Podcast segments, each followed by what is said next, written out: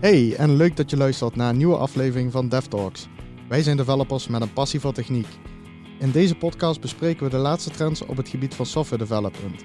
Vond je dit nou een leuke aflevering? Laat dan een like achter in je favoriete podcast-app. En heb je feedback? Laat dan een reactie achter of stuur een mail naar podcast.cloudrepublic.nl.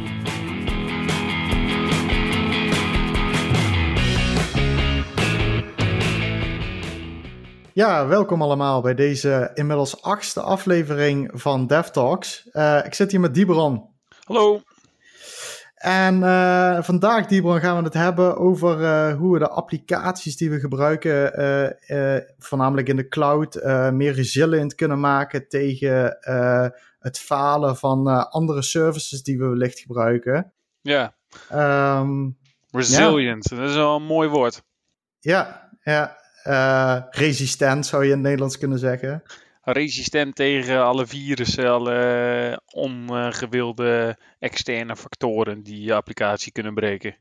Ja, ja. Dus uh, downgaan van, uh, van applicaties die je, of van services die je gebruikt of iets in die trant. Ja. Daar gaan we het vandaag over hebben. Ja. Um, maar voordat we daar over verder gaan, gaan we natuurlijk even naar de highlights. Um, Dibran, wat was jouw highlight? Nou ja, ik heb eigenlijk een uh, highlight en een lowlight. En uh, ik zal maar gewoon beginnen met uh, het goede nieuws natuurlijk. Ja. En dat is dat GitHub free for Teams is geworden. En dat vond ik hmm. wel, wel tof om te zien. Um, ja, je, je, ja, iedereen gebruikt GitHub natuurlijk voor zijn open source projecten. En als je als team zeg maar een private repo of iets dergelijks wil aanmaken, dan moest je voorheen eigenlijk altijd betalen. Maar die, ja dat, daar hebben ze nu ook een free tier voor gemaakt. Dus uh, als team kun je nu zeg maar ook uh, wat makkelijker uh, private repo's daar hosten. Ja, mhm. je ziet eigenlijk gewoon dat ze helemaal naar dat CI/CD gedeelte gaan. Hè? Dat actions, dat GitHub actions, dat moet het geld gaan opleveren. Dus, ja. je krijgt daar ook een beetje een, een free tier qua minuten, zeg maar, qua bult minuten. Voor de mensen mhm. die het niet weten, GitHub Actions is de nieuwe CI/CD gedeelte van uh, GitHub. Eigenlijk nog best wel basic voor nu. Ja, dat wil ik net vragen. Heb je het wel eens gebruikt? Want ik heb, er, ik heb er nog niet uh, gebruik nee, van gemaakt. Ik heb, ja, ik heb hem mee gespeeld, maar nog niet uh, zeg maar echt in, de, echt in de praktijk met grote projecten gedaan. Maar dat komt ook omdat ik eigenlijk niet bij klanten zit waar GitHub zeg maar de main uh, ja, repository is. Meestal is het Azure DevOps of Bitbucket of zo. Ja, ja. Dus, ja, is eigenlijk uh, wel raar toch, hè? Op de een of andere manier uh, zie ik ook bij klanten dat, dat GitHub toch meer als hobby code repository gezien wordt. Terwijl het helemaal niet zo is. Nee, er zitten echt wel super grote bedrijven ook op. En ik heb één uh, consultancy-opdracht bij uh, een bedrijfje die gebruikt wel GitHub. En die werken ook veel samen met mensen uit India en uit uh, Egypte en zo. En mhm. die, die gebruiken het wel. En dan zie je echt wel dat het ook wel gewoon echt goed werkt. Ook helemaal qua documentatie, met die labels ook, zeg maar, in het, ja, het hele issue-gedeelte. dat vind ik echt wel goed werken. En die pull requests daar, dat, is, dat werkt allemaal wel super. Alleen, ehm, ja, dus nu, ze hebben het pas een paar weken, maanden, dus GitHub Actions live. Mhm. Dus uh, ja, dan kun je ook nog niet verwachten dat het, een, uh, dat het GitLab of Azure DevOps of zo gaat verslaan. Qua nee, nu. Maar ze hebben volgens mij wel uh, lekker veel plugins en zo. Dus je kunt volgens mij best wel dingen aan elkaar knopen. Ja, zeker. Maar uh, ja, dus uh, wij gebruiken met Cloud Republic ook GitHub voor onze ja. blog en website en dat soort dingetjes. En onze open source projectjes. Mm -hmm. En ja, misschien dat we het ook wel nu voor misschien private repos of zo gaan gebruiken. Dus vond ik wel tof. Ja, zeker. Maar dan maar even mijn lowlight introduceren. Yes. En dat ja, nu met dat COVID-19 gebeuren, zie ik toch wel dat uh, Azure een beetje problemen heeft. Heb jij dat ook ervaren of niet? Nou ja, ik heb vooral uh, Microsoft-producten af en toe zien, uh, zien troddelen. Of dat Sync in één keer het niet meer doet. ja. Maar Azure zelf nog niet. Nee. Nou ja, je hoort het online ook best wel veel hoor. Er zijn best wel wat resourcing problemen geweest. Ook in West Europe. Mhm. dat, dat er gewoon een tijdje geen SQL databases aangemaakt werden, zeg maar. Die bleven gewoon maar pending. En okay. ja, ja, er is best wel wat negativiteit komt daar van naar buiten. En um, ik, Microsoft doet ook soms een, uh, een update blogje schrijven. En mhm. in die blog zeiden ze ook, ja, dat komt ook mede doordat uh, de demand van Microsoft Teams, die is gestegen met 775% Ja. Dus ja, en als hij iets veel uh, bandbreedte natuurlijk opeist, dan zijn het wel videocalls. Ja, dat snap ik wel, ja. Dus die, uh, die videocalls, ja, dat, dat is gewoon uh, echt enorm. En ja, dat is wel een, een probleempje. Ja, ik vind het wel opmerkelijk om te zien dat, dat, dat zoiets dan gewoon die hele infrastructuur omlaag trekt, zeg maar. Ja, en ja, ze zeggen ook dat ze echt het, het metaal, zeg maar, amper aan kunnen slepen om de demand te kunnen invullen. Dus dat is, het is echt wel significant uh, meer computer wordt er gebruikt nu. Ja, dat blijkt. En, ja. ja, en dat, dat hangt dan ook echt wel veel samen met uh, zeg maar iedereen die aan het thuiswerken is en die echt alles online nu doet. Hmm. Dus uh, ja, dat, dat vond ik wel opmerkelijk en ook wel jammer. Ja, ja want de, als, je, als je aan de cloud denkt, zeg maar, ja. dan zou je, denk je altijd aan unlimited resources, weet je wel. Uh, jij hoeft niet iets.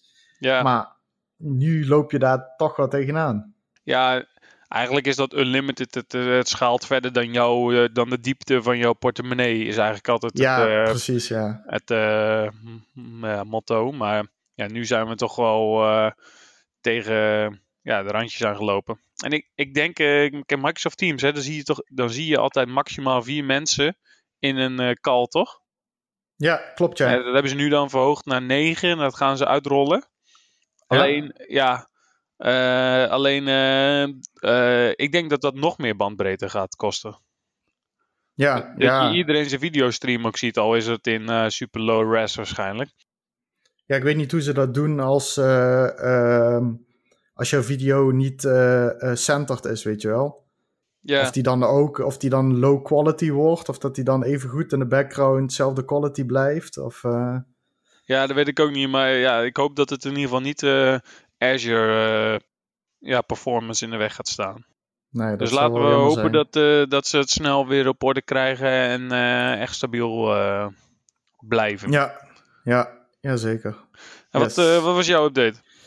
Nou, ik, uh, eigenlijk uh, bijna het, uh, in dezelfde hoek. wij gebruiken sinds, de, sinds we thuis werken, gebruiken we bij onze klanten Discord mm -hmm. als medium om met elkaar te communiceren en een beetje up-to-date te blijven.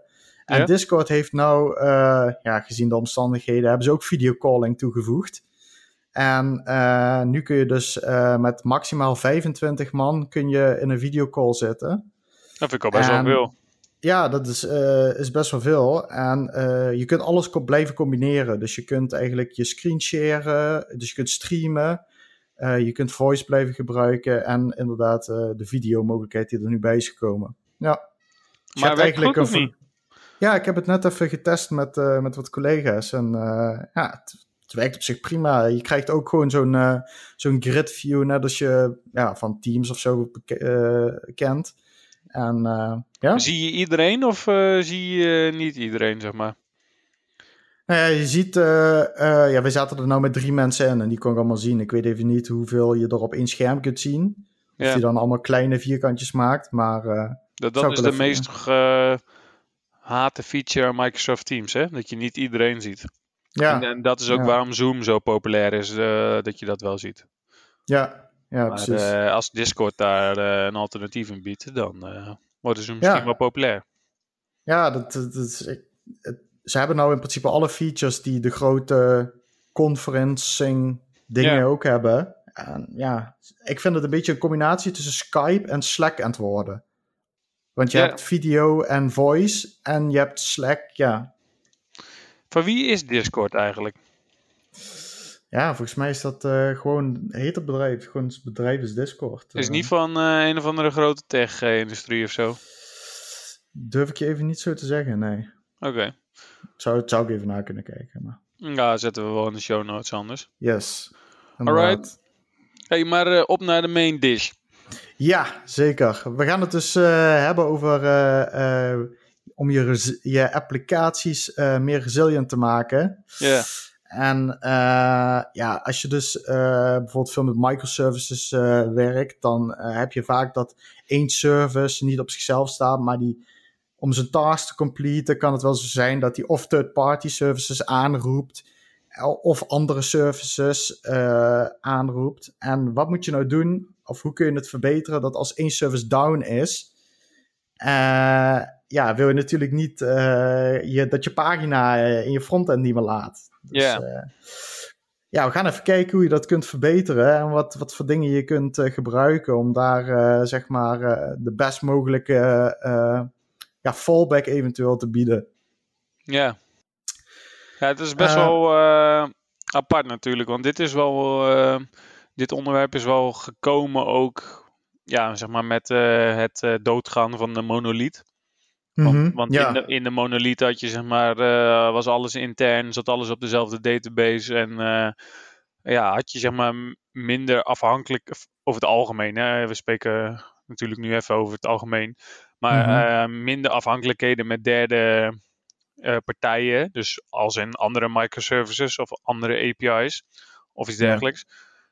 Dus dit is wel echt gekomen ook met de, de trend van microservices. En, en met de trend dat steeds meer systemen zeg maar, aan elkaar gekoppeld worden. Ja, precies. Ja, dat, dat, dat is het ook, daar is het ook inderdaad. Uh, ja. Um, dus als we misschien, uh, we beginnen misschien even bij de cloud. Ja. Daar uh, uh, kun je natuurlijk ook wat dingen doen. dat is dan niet in de code, maar infrastructuurtechnisch. Um, je hebt daar natuurlijk heel veel dingen, zoals Traffic Manager bijvoorbeeld. Mm -hmm. toevallig wat we bij Azure hebben. Ik weet even niet hoe het bij Amazon heet. maar daar kun je dus bijvoorbeeld Traffic Managers gebruiken om bijvoorbeeld services die afsterven niet meer te benaderen. Ja, ja, en een soortgelijke functionaliteit heb je ook in Kubernetes. Ja, maar, ja, ja precies, ja. Ja, dat is best wel... Ja, ik zou het bijna low-hanging fruit noemen. Als je in de cloud zit en, en er zit een soort van health checker op je, op je service die je gebruikt. al is het een app service of is het een... ja, weet ik veel, een container in een Kubernetes cluster. Als je daar op mm -hmm. een of andere manier metriek, metrieken uit kan halen van hoe stabiel is dit ding? Hoe, hoe goed performt die? Dat kunnen dan bijvoorbeeld uh, exception rates zijn of uh, memory usage of uh, iets dergelijks. Van ja. hoe, ja, hoe, je kunt daar verschillende soort van temperaturen, thermometers in hangen en daarop acteren. Ja. En ja, bij, bij Azure kan je dan bijvoorbeeld met een load balancer kun je zeggen van nou dan gaan we die app service of die ja, die service niet benaderen. Mm -hmm. uh, waardoor ja. je zeg maar, je, je, applicatie meer resilient wordt. Ja. En bij, bij Kubernetes kun je het zelfs nog verder trekken. Kun je hem ook uh, bijvoorbeeld die container gewoon decommissionen en opnieuw opstarten of, of iets dergelijks. Ja. Zeker, ja. Ja, en het werkt echt perfect. Wij hebben het laatst bij een klant gehad waar een, een region zeg maar niet meer beschikbaar was. Um, en ja, de, de, de klant zelf heeft er geen last van gehad. Want, uh, okay, maar was de... een hele Azure region uh, minder beschikbaar? Nee, uh, de webapp, sorry, de webapp in een region ja. was, was niet meer beschikbaar. Dus die, die kreeg allemaal 500 als je er een request op deed. Ja. uiteindelijk was de oplossing een simpele herstart van die app.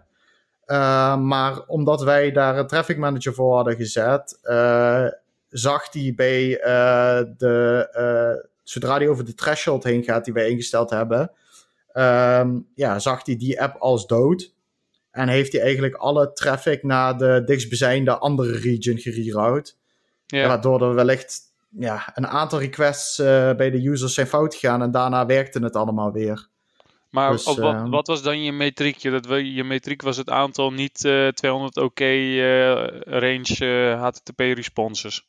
Ja, ja, field requests, ja, 500. Dus, Oké, okay. ja.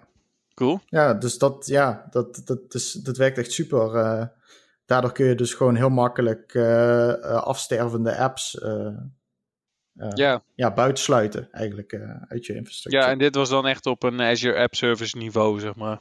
Ja, ja maar er zat geen, hoe noem je dat, auto-helft-achtige dingen, zaken in, dat hij zelf op, zich opnieuw ging opstarten, dat soort dingen?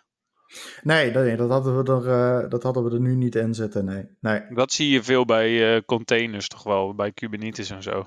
Ja. Dat, ze, dat ze daar regels op zetten van. Uh, we voeren alles dubbel uit of driedubbel. En als er eentje gewoon echt zit te kloten, zeg maar, een container, dan starten we hem gewoon opnieuw op.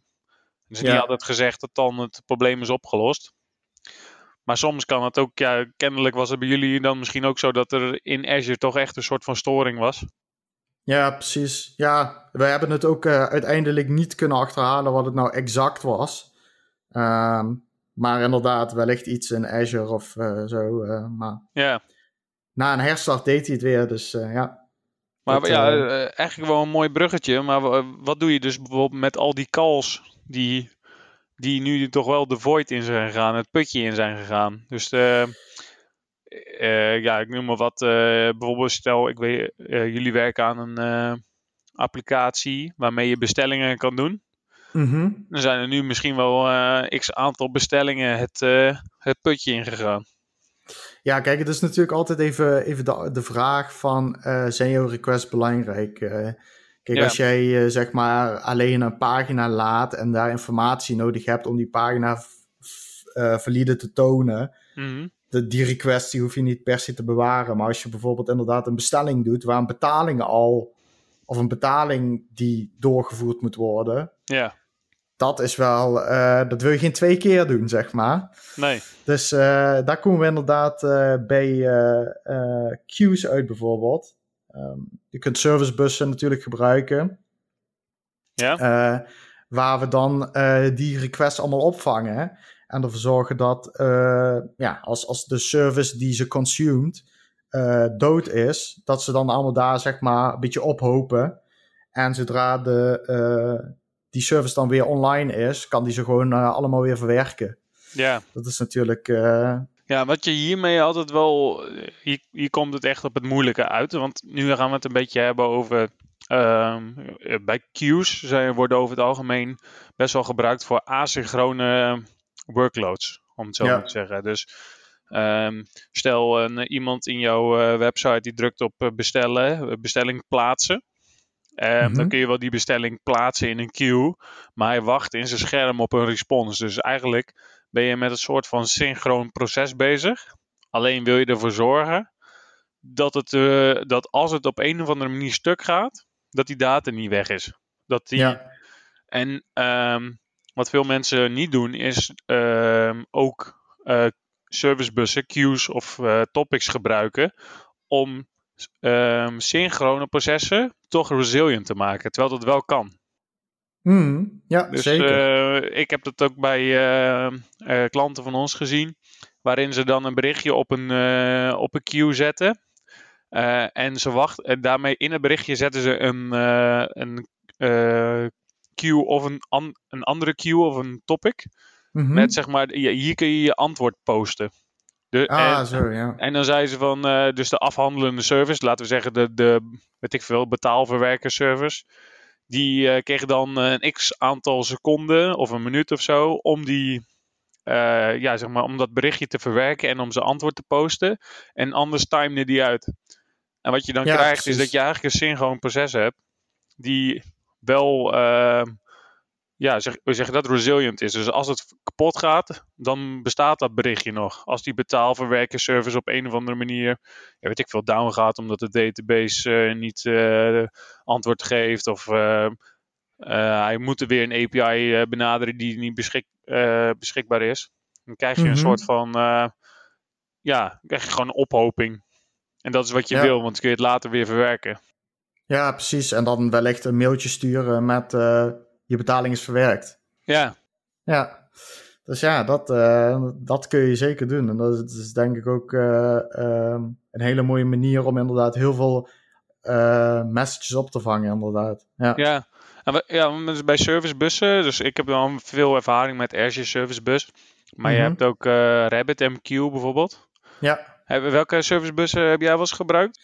Ja, ik heb wel eens RabbitMQ gebruikt voor een beetje uh, hobbywerk. Uh, omdat RabbitMQ natuurlijk, die zijn open source. Oh ja, ja. Volgens mij. Dus ook gratis. Dus ja, volgens mij hebben ze wel een enterprise maar goed, uh, ze hebben ook een gratis versie. En, uh, dus die heb ik wel eens gebruikt. Ik heb inderdaad uh, Azure Service Bus wel eens gebruikt. Um, ja, dat was het eigenlijk zo'n beetje. Ja. ja. In, in eigenlijk heel veel service bus uh, systemen heb je ook zeg maar dead letter queues of, ja. of soortgelijke. Dus ja. Dat, dat vond ik ook wel bij klanten waar ik heb gezeten. Dus zag, zag je dat ook wel veel toegepast. Dus als een berichtje bijvoorbeeld niet verwerkt kon worden. Op een of andere mhm. manier. en je doet dat bijvoorbeeld een x aantal keer. Dus je pakt hem tien keer op en het gaat niet goed. Dan komt hij in de dead letter queue. En ja. Ehm, ja, dan, dan is niet het berichtje ook weg en is het niet gelukt. Maar wordt die soort van gelogd. En daar, daar monitoren we dan op. Van uh, hey, hoeveel, uh, hoeveel berichten worden er op een of andere manier niet goed afgehandeld. Ja, precies. En als dan wellicht ze wel weer afgehandeld kunnen worden, kun je ze gewoon weer in de normale queue zetten. Ja. Waardoor ze alsnog geprocessed kunnen worden. Gewoon re ja, reply of zo, hoe heet het ook alweer? Ja. Resenden. Ja, en een trucje wat, ook, uh, wat ik daar ook wel veel heb gezien is de, ja, dat noemen ze dan de poison queue. Dus mm -hmm. soms heb je bijvoorbeeld, uh, ja, laten we die bestelling microservice weer nemen. Er komt een, zeg maar een berichtje binnen met verwerk deze bestelling. En daar doe je meestal een x aantal validaties op. Weet je wel, ja. we verwachten dit contract. Um, en de bankrekeningnummer moet een goed IBAN zijn, weet ik veel wat. En wat wij dan deden was van als we, als we echt maar een logische error zagen. Dus van mhm. ehm, ja, dit is gewoon uh, geen valide bankrekeningnummer. En dit had afgevangen moeten worden in de frontend of zo. Of iets dergelijks. Uh, dan gaan we hem niet zeg maar tien keer laten retryen. Maar dan gooien we hem in de poison queue. En daar ook op monitoren. Dus dan weet je gewoon, hier zit gewoon een functionele fout in het aanroepen van deze service. Ja, en dan, krijg je, dan kun je veel sneller acteren van als je daar, daar ziet oplopen. Dan heeft iemand iets veranderd of zo en maakt hij gewoon fouten of dan uh, houdt hij zich niet aan het contract of iets dergelijks.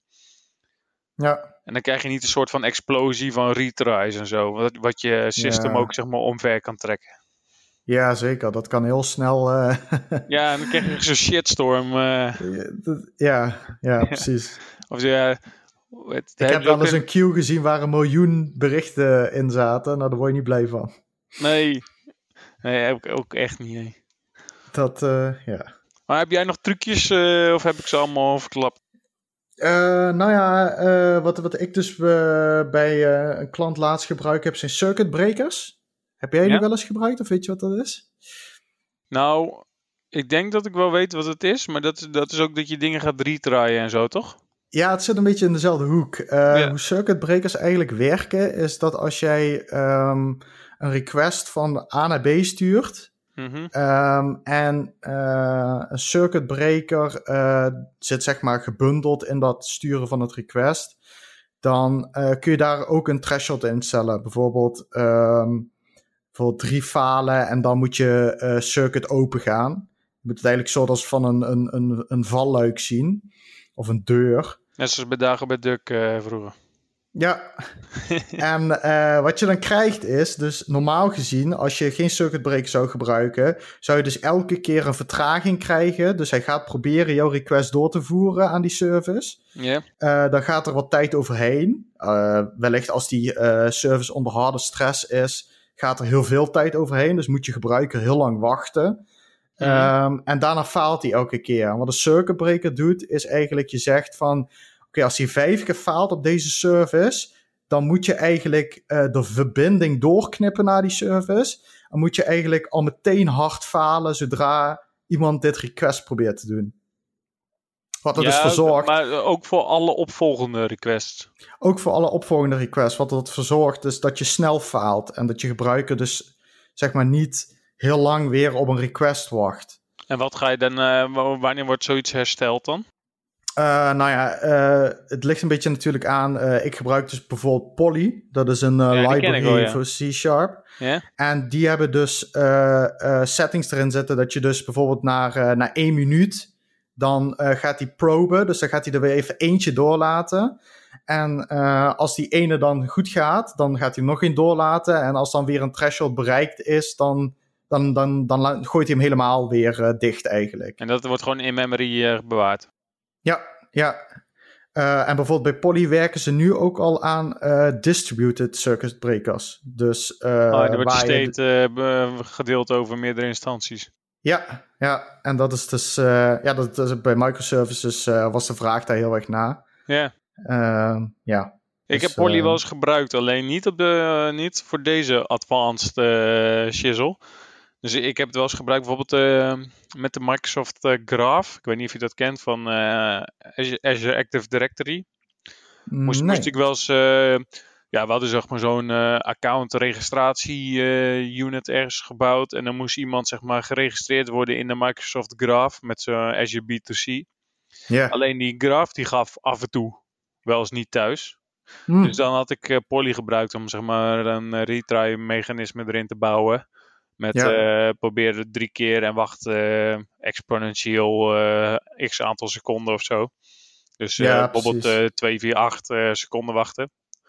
Alleen, ehm, dit is wel veel krachtiger. Hiermee verbreek je echt het... Want stel, er komen in één keer... Ik veel duizend nieuwe gebruikers bij, in mijn geval.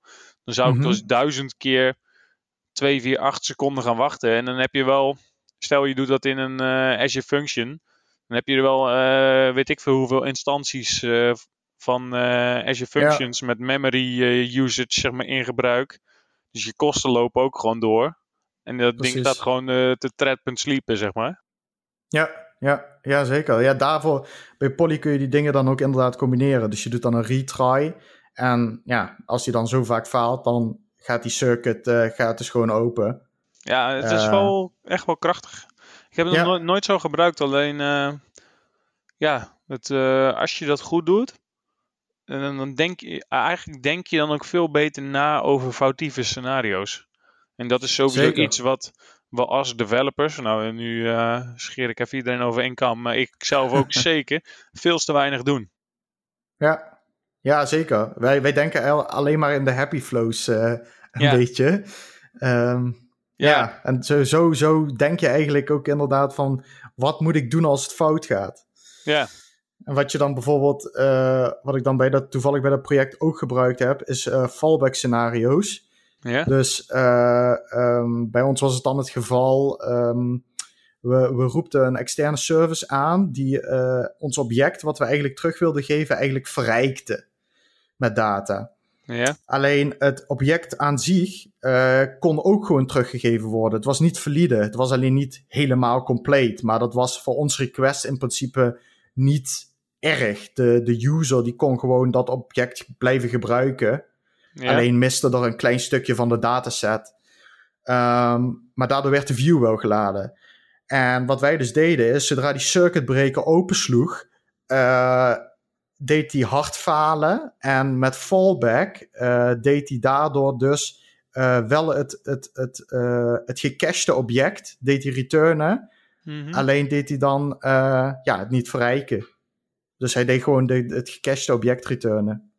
Je zou ook iets kunnen neerzetten met er is iets misgegaan of zo. We kunnen even niet deze informatie laden. Ik noem maar bijvoorbeeld wat. Als je dit bij uh, Netflix bijvoorbeeld doet, je doet een search. En dan ga je even ophalen hoe hoeveel mensen deze aflevering van serie X al hebben gekeken. En je kan dat niet ophalen. Mm -hmm. dan, dan zou bijvoorbeeld je frontend kunnen crashen van ja, ik kan niet het aantal views ophalen, dus stuk. Of je ja. doet een circuit breaker van uh, oh, dit, kun, dit is even tijdelijk uh, niet bereikbaar of iets dergelijks. En dan denken ja. mensen, ja, dan denken ze eerder van nee, in plaats van uh, dat de hele boel kapot gaat. Ja, zeker. Ja. ja, en zo bijvoorbeeld in onze situatie had je dan als, als gebruiker misschien niet de laatste versie van het, het object, maar wel een, een view die je kon zien, zeg maar. Ja. Dus je liep dan wellicht achter, maar je had wel je, je app crasht niet, zeg maar. Dus dat was wel... En het is gewoon per situatie afhankelijk van hoe... Ja, Zeker. Hoe, hoe of het volgende, of het circuit waar je eigenlijk mee bezig was ook gebroken moet worden. Of eventueel wel door kan gaan. Ja, zeker. Ja, ja. Je kunt deze natuurlijk ook gewoon uh, chainen, inderdaad. Vooral bij microservices uh, heb je wellicht uh, niet één service die een ander roept, maar komt, komt het request, faalt aan de laatste service. En dan moet je kijken, wat doe je in de eerste? Ja. Als dat helemaal terugbubbelt, zeg maar. Dus wel, ja. maakt het soms ook complex. Helemaal als je veel microservices hebt. Ja, dan, ehm, zeker. is het wel belangrijk dat je een beetje dezelfde manier van uh, circuit breakers dan hanteert. Ja. Uh, en in een grotere organisatie kan het soms best wel lastig zijn, denk ik. Ja, ja je noemde net uh, Netflix. Die hebben bijvoorbeeld hun eigen um, ja, circuit breaker retry tool gemaakt. Die heet Hystrix. Hystrix? Hystrix, ja. Die is open source trouwens. Ik zal even een, uh, een link in de show notes zetten. Oké, okay, cool. Uh, die is uh, geschreven in Java. dus, ehm, maar daar hebben hun ook inderdaad heel veel van die, die dingen in zitten. Ehm, ik zal ook even een post in de show notes zetten van de techblog van Netflix. Daar ah, hebben ze cool. hele mooie beschrijvingen over hoe hun, zeg maar, de Netflix API's uh, meer resilient maken uh, als bijvoorbeeld regions down gaan of bepaalde microservices down gaan. Ja. Yeah. Ja, is echt wel cool om te zien. Uh, ze hebben daar bijvoorbeeld een heel dashboard waar alle circuit breakers op staan. En dan kun je dus gewoon echt per circuit breaker de traffic zien die er doorheen float. En of die closed of open is. Ja, ja dat, is, dat is wel cool. Ik heb dat dan ooit in, in ooit, een jaar geleden of zo, in uh, Azure met uh, Azure Dashboards, weet je wel, in, in de portal van Azure zelf. Gedaan ja. met, met servicebussen. Dus we hadden mm -hmm. als, als team had je zeg maar een x aantal microservices gemaakt. En je servicebussen waren zeg maar je, ja, je, je hoe, hoe moet ik dat zeggen? Ja, je interfaces met je andere microservices. Ah ja. En ja dan monitorde je op de servicebussen van uh, ja, hoeveel, om, hoeveel zit er in de dead letter, hoeveel zit er in de poison queue. En dat, dat was je zeg maar voor verantwoordelijk om te kijken van uh, ja, uh, loopt het nog zoals verwacht? waar komen die fouten dan op? Ja, precies. Niet zo ja. geavanceerd als bij Netflix, maar het, het hielp wel om te zien van ja, waar je interfaces met andere microservices goed liepen of eventueel stuk gingen. Ja, ja, zeker. Ja, daar kun je wel uh, heel veel informatie uithalen, denk ik. Ja, ja. Ja, ja. cool. Um, ja, als we dan naar de voorkant kijken, dan kun je natuurlijk ook nog zo'n ding als throttling gebruiken. Aan de voorkant, uh, wat, uh, wat bedoel je? Ja, dus als bijvoorbeeld, stel we hebben een database en die database weten we, die kan maar een maximaal aantal requests aan. Maar uh, bijvoorbeeld met het uh, Black Friday uh, idee. Oh, ja. dat we één dag in het jaar hebben waar het helemaal storm loopt. Dat we dan zeggen van oké, okay, deze service, die weten we dat die niet zoveel aan kan. Maar die gaan we mondjesmaten, gaan we die voeren met nieuwe requests. Waardoor hij wel healthy blijft.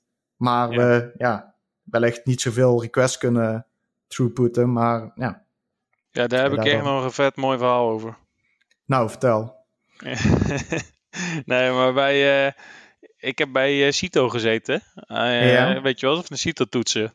Mm -hmm. Nou, als er ergens een soort van Black Friday effect is, is het wel bij CITO. Ja, want, dat kan ik wel Want die, die, hebben de, ja, nee, nu ga ik het even chargeren. Maar die hebben zeg maar het hele jaar staat dat systeem niks te doen. En dan ja. in april komen alle eindtoetsen binnen. Mm -hmm. En ja, dan uh, loopt hij zeg maar helemaal storm.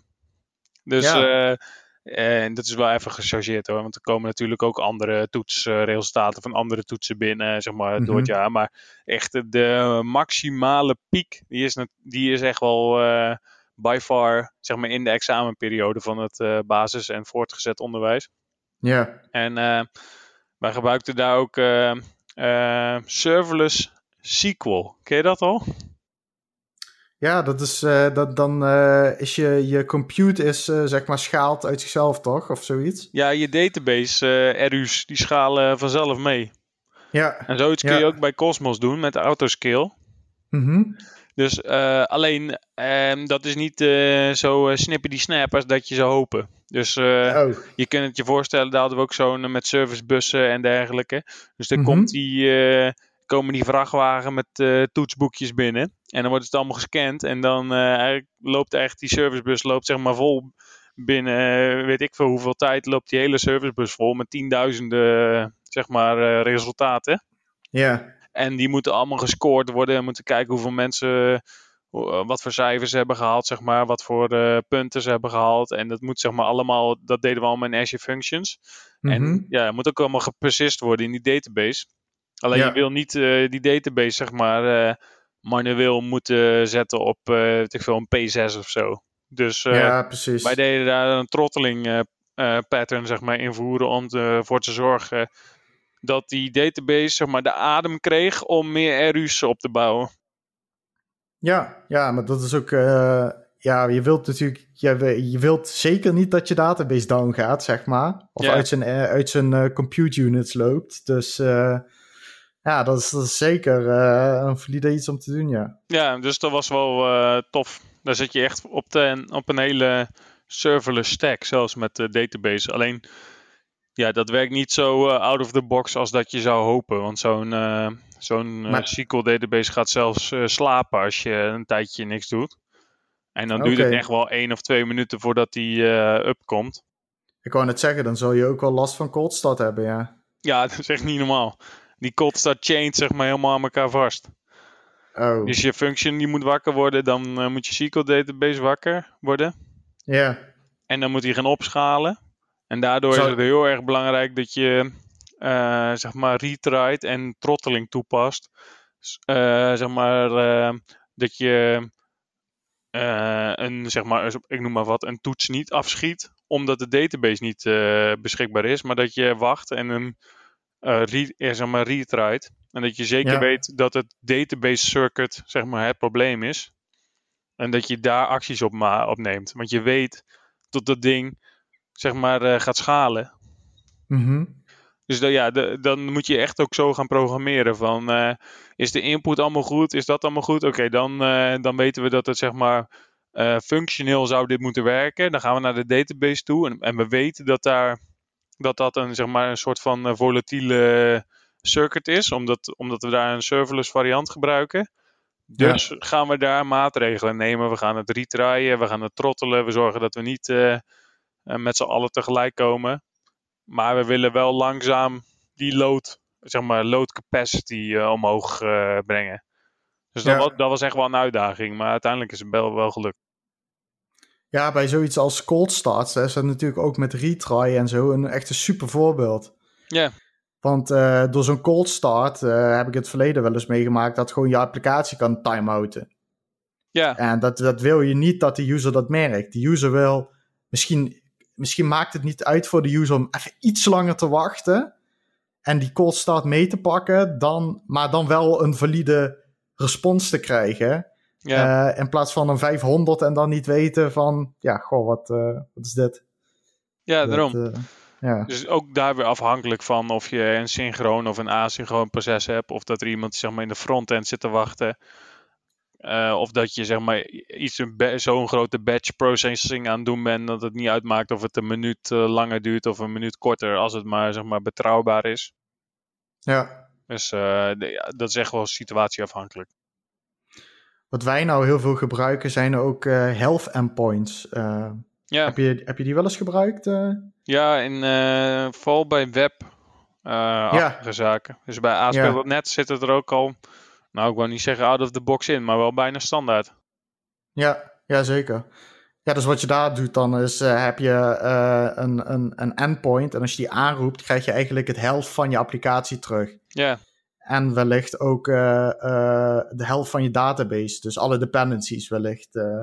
Ja, die, dat, dat kun je ook zeg maar in ASP.NET, weet ik toevallig hoe dat werkt. Kun je daar ook je database soort van proben, hè? Ja, klopt ja. Ja, je hebt daar volgens mij wat extension packages voor, voor verschillende services. Ja, die heb ik wel eens gebruikt, ja. ja. En ook helemaal handig als je dat uh, met, um, uh, wij deden dat ook even checken na een release. Of die zeg maar healthy uh, was geworden. Dat die goed opstartte. Dat de migrations waren gelukt en dergelijke. Dat mm -hmm. deden we daar dus automatisch mee. Dus na een CICD okay. deployment. We hadden zeg maar migrations in de CICD pipeline verwerkt. Mm -hmm. Dus dan werd eerst de database bijgewerkt en werd die app service gedeployed. En dan ging je even checken of die healthy uh, was. Dus dan werd uh, de app service instance werd gecheckt. En ook de connectie met de database. Oh ja. En dan weet ja. je direct na deployment van... Uh, ja, is het goed gegaan of niet? Ja. Ja, we zagen toevallig met een aantal collega's van de week... dat je bij Azure DevOps, ik weet niet of het nieuw is of dat wij het gewoon gezien hadden, uh, kun je nou, uh, als je van uh, een environment naar een environment deployt, zeg maar, en je doet dat tussen een approval step, mm -hmm. kun je nu het criteria voor approval ook baseren op metrics. Dus als jouw applicatie die je net gedeployed hebt helemaal healthy is, en ja. er gaat een uur lang alles goed, dat je dan naar de volgende stap gaat, bijvoorbeeld. Zo, dat is wel cool. Dat, ik heb dat nog nooit gebruikt, überhaupt die environments in Azure DevOps uh, echt in de praktijk gebruiken. Dat heb ik nog niet gedaan, dat is wel tof. Ja, meer die stages hè, die je released, uh, ja. van stage naar stage. dus als je van productie of van staging naar productie gaat bijvoorbeeld. ja, maar met die je, metrics, je... dat heb ik ook nog nooit gezien. Dus dat is nee, misschien dus, ja. nieuw dan. Ja, ik zal even even zoeken. Misschien is er een blogpost van. Dan zal ik hem even in de show notes zetten. Cool. Yes. Nou. Ja. Dat is Alle al, applicaties uh, omschrijven. Ja. ik weet niet of ze van omschrijven allemaal re uh, meer resilient worden. Maar in ieder nee, geval, uh, ja, het is wel echt wel goed om dit in de gaten te houden, dit onderwerp. En te kijken van, vooral bij microservices, wat er allemaal nieuw bij komt. Wat voor technieken erbij komt. Zo'n poly staat bijvoorbeeld ook niet stil. Terwijl ja, eh, die, die library bestaat al, uh, weet ik voor hoeveel jaar. Maar die mm zitten dus niet stil en dat is wel leuk om te zien. Ja, zeker. Ja, zelfs Microsoft gebruikt tegenwoordig uh, Poly. Dus uh, in zijn ja. libraries. Ja. Dus ja, cool. wordt er veel gebruikt. Ik denk dat het wel situatieafhankelijk is wat je natuurlijk waar kunt gebruiken. Maar ja. ja. Dat, maar in ieder geval, ja, wij zitten best wel te werken aan wat uh, complexere projecten, dus dan hebben we het vaak wel nodig. Ja, zeker. Dus uh, we komen bij klanten als AXO, de NS en dat soort organisaties. Daar kun je best wel situaties bedenken waarin je zeker wil weten dat bepaalde processen goed lopen.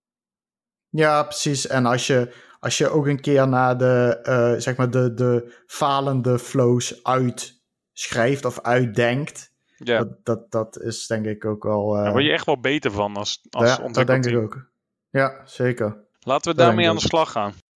Gaan we doen. Nou, uh, dan was het dat weer uh, voor deze keer. Bedankt allemaal voor het luisteren. Uh, bedankt Dibran. Ja, graag gedaan. jij ook bedankt Florian. Ja, graag gedaan. En mochten jullie feedback hebben, stuur dan even een mail naar podcast.cloudrepublic.nl. En vergeet ons niet te liken in je favoriete podcast app. En dan zou ik zeggen, tot de volgende keer. Tot ziens.